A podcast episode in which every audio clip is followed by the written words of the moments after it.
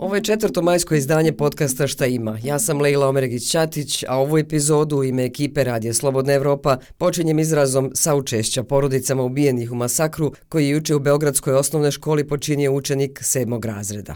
14-godišnja učenica osnovne škole Vladisav Ribnikar ispričala je kako je njoj bilo u tom trenutku. Bilo je strašno. Ja sam bila dole, uh, pošto smo imali fizičko dole i onda sam Uh, mislim, ja sam naravno čula kako pucaju i to, znači, neprekidno.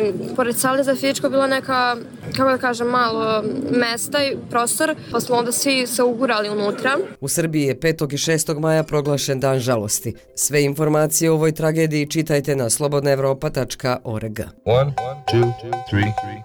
A danas, U 11 sati prva sjednica novo imenovane vlade Federacije Bosne i Hercegovine. Pa neke sa srećom.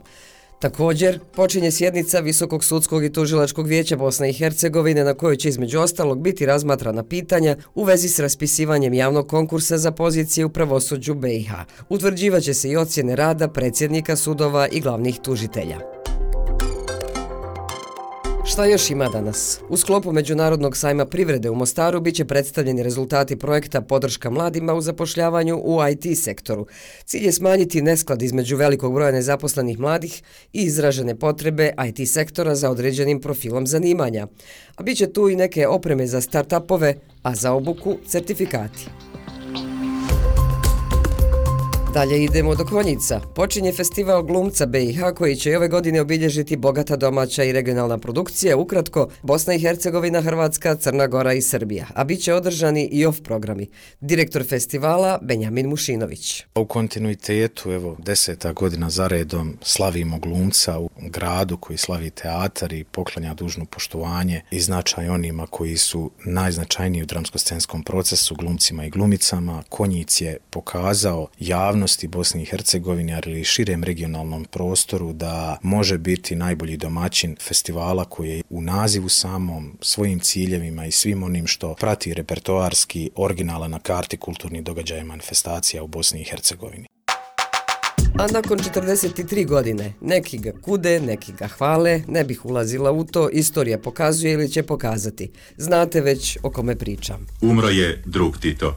Bila je to vijest u dnevnicima širom Jugoslavije na današnji dan 1980. u 15 sati i 5 minuta, što je cijelu tadašnju državu ostavilo u šoku. Josip Broz Tito bio je doživotni predsjednik Socijalističke federativne republike Jugoslavije i 1948. godine Stalinu rekao istorijsko ne. Pa zaguglajte. Ima još par važnih informacija o događajima na današnji dan, pa tako prije tačno 70 godina pisac Ernest Hemingway osvojio je Pulitzerovu nagradu za roman Starac i more. Čitajte to ako niste. A evo još jedna. Na isti dan, 1959. dodijeljene su prve Grammy nagrade i to za Franka Sinatru, Elu Fitzgerald i Henrya Mancinija. A koji je datum danas, to već znate. May the 4th a svi fanovi Star Warsa znaju šta to znači. May the force be with you. Danas se obilježava neformalni Star Wars, odnosno Dan ratova zvijezda filmske svemirske franšize režisera Georgea Lucasa. Datum May the Fourth be with you je nastao iz igre riječi May the Force be with you, što je varijanta popularne fraze iz Star Warsa.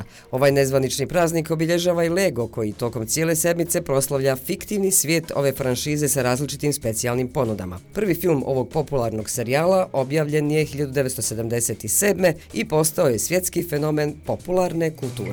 May the force be with you. I šta da vam kažem za kraj nego May the force be with you. Ajde, čao do sutra. Čekam vas na istom mjestu, a vrijeme proberite sami.